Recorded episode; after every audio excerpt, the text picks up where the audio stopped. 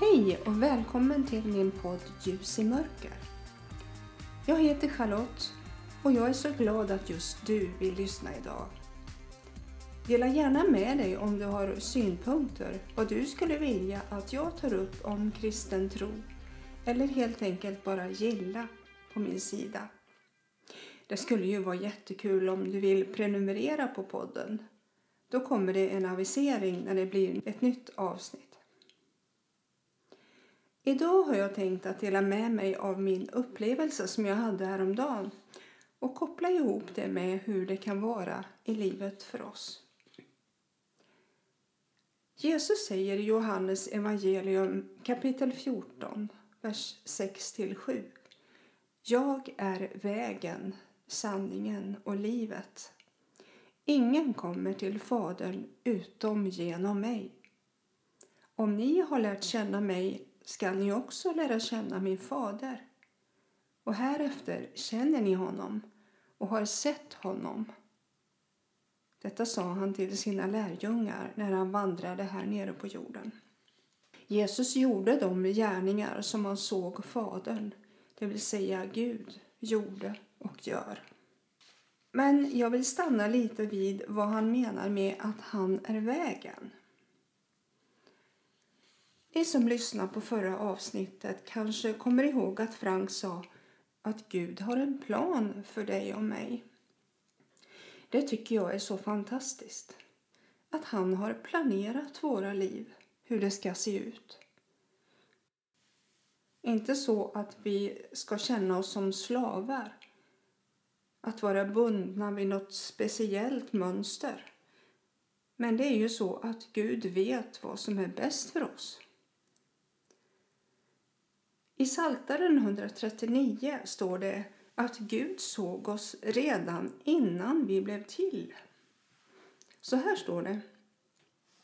Jag tackar dig för att jag är så underbart skapad. Ja, underbara är dina verk. Min själ vet det så väl. Benen i min kropp var ej osynliga för dig när jag formades i det fördolda när jag bildades i jordens djup. Dina ögon såg mig när jag ännu var ett outvecklat foster. Alla mina dagar blev skrivna i din bok. De var bestämda innan någon av dem hade kommit. Läs gärna hela salmen 139 i Bibeln. Eftersom Gud har skapat dig så vet han också vad som är bäst för dig. På ett ställe i salmen står det Du omsluter mig på alla sidor. Gud vill att du och jag ska söka honom och fråga Vart vill du leda mig? Vad är din plan för mitt liv? Och när du och jag lägger våra liv i Guds händer, då vet vi också att det kommer att gå bra för oss. Han ser vilka faror som är på väg och kan hjälpa oss att ta en annan väg eller att stå emot när det onda kommer emot oss med full styrka. Men Gud har lovat vara med oss alla dagar intill tidens slut. Han kan också tala med oss på olika sätt. Det tycker jag är så härligt. Han kanske inte alltid har en röst som du kan höra på samma sätt som du hör mig nu. Även om det händer emellanåt. Men han talar i vårt hjärta. Vi känner vad det är som är rätt och fel. Sen kan han använda andra människor att nå fram till oss. Någon kanske ringer och berättar för oss hur vi ska göra i speciella situationer. Han talar också naturligtvis genom sitt eget ord, Bibeln, som vägleder oss vilken väg vi skall ta. Det kan liknas vid en herde som leder sina får. Jesus kallar sig själv för den gode herden. Du minns kanske den där tavlan som jag berättade om i första avsnittet som mormor hade på väggen i sin stuga. Den föreställde Jesus som en herde och som bar på ett lamm. Det där lammet ville jag alltid vara när jag såg tavlan. Jag ville bli buren och ledd av honom. I psalm 23 så står den välkända texten om den gode herden. Herren är min herde, mig skall intet fattas. Han låter mig vila på gröna ängar.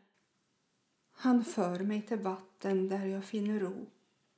Han vederkvicker min själ.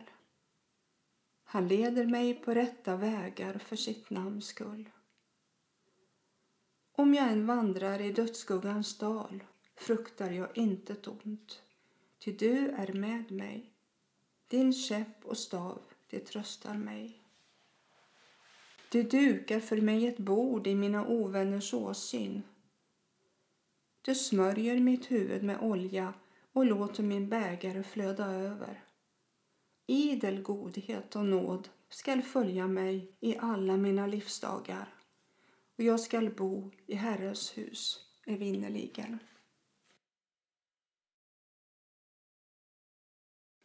I förra avsnittet så sa Frank att pröva Gud för han tål att prövas, sa han. Pröva att be. Det kanske känns lite konstigt och främmande i början och man kanske inte vet vad eller hur man ska be.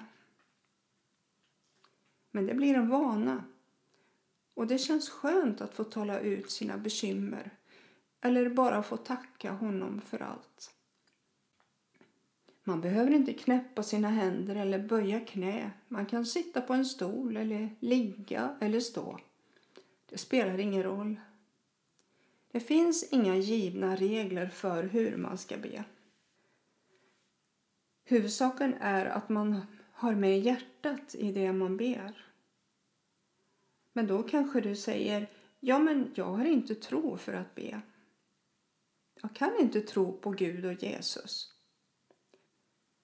Men vill du ha tro på honom så är det något som man kan be om att få. För tron är en gåva som han ger. När du har bestämt dig för att lyssna till Gud så kommer han att tala till dig. Han kommer att leda dig på rätta vägar.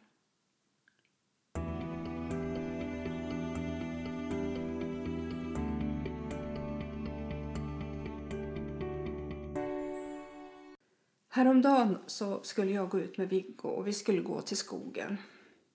Vi har gått den vägen många gånger. Innan man kommer in i skogen så är det fullt med stenar som sticker upp och en stor stubbe vid sidan. Så det är en ganska trång passage innan man kommer in till stigen.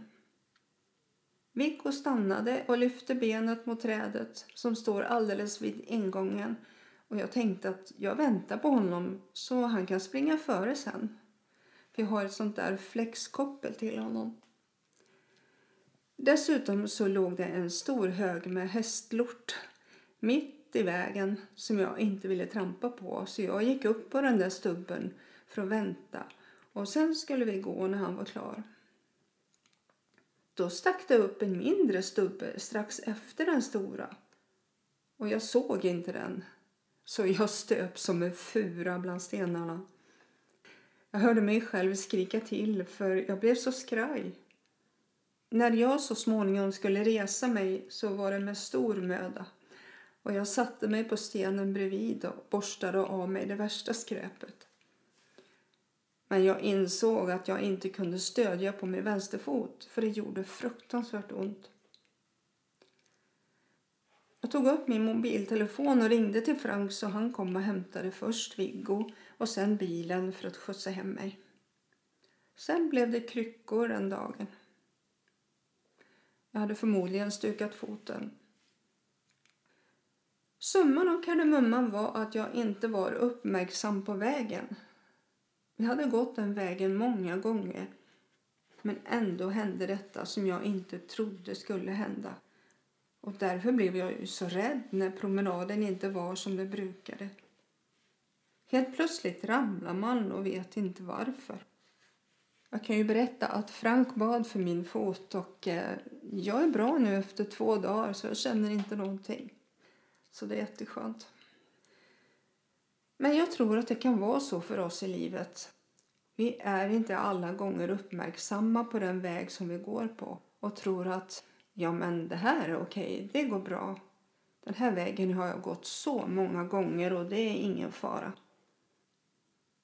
Rätt vad det är så ligger man där pladask och har skadat sig. Man gör saker som är dumma och sen mår man dåligt efteråt. Det är viktigt att vi låter oss ledas av Gud på den väg som vi går fram på. Då behöver det inte bli så dramatiskt om man skulle falla. Man kan falla, men om man har sin väg utstakad och man har kontakten med ledaren, alltså med Gud, med vår herde, han som leder oss, då vet vi att vi är på rätt väg. Ibland så vill Viggo gå vid sidan om vägen. Han vill göra en liten avstickare sådär. Men jag har inte alls någon lust att följa med. Och det är ju så när vi går med Gud också. Vi försöker att gå andra vägar som vi kanske tror är jättefina och bra vägar. Men Gud ser längre. Och han ser att den där vägen är inte bra för dig. Gå tillbaka och gå på den vägen som du gick på innan och låt mig leda dig, för då kommer du rätt. Så att det är jättebra att vara lyssnande och vara lydig den röst som du och jag hör. Då kommer vi att känna oss trygga i livet. Ja, det finns så många röster i vår värld som vill locka oss in på andra vägar och, och vi tänker Ja, men det här var ett jättebra erbjudande. Det måste jag nappa på. Det finns inget som är lika bra och faktiskt, jag längtar att få göra det här för det känns så rätt. Sen när man har bestämt sig så är man i alla fall lite tveksam och vill backa. Men då går det inte att backa. Man kan inte vrida tillbaka tiden. Det går bra om man har beställt någonting på nätet för då kan man gå tillbaka innan man har klickat i och bekräftat den där ordern.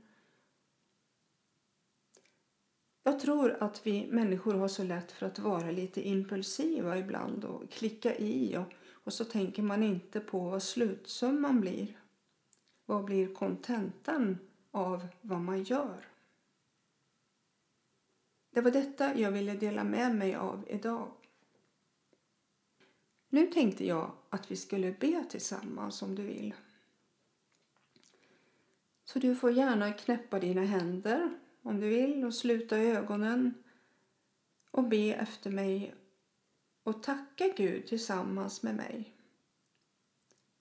Jag ber först och du ber efter om du känner att det känns rätt. Tack Gud för att du har skapat mig precis som den jag är. Med en egen vilja. Tack för att du har skapat mig så underbart. Och tack för att du älskar mig. Och tack för att du har en plan med mitt liv. Och jag skulle vilja följa den planen som du har för mitt liv.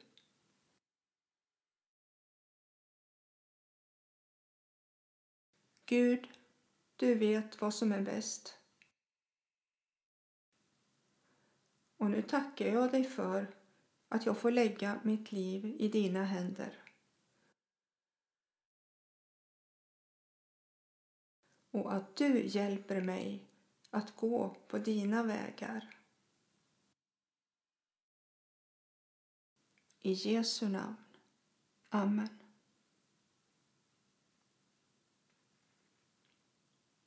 Tack för att du lyssnade idag och Gud välsigne dig.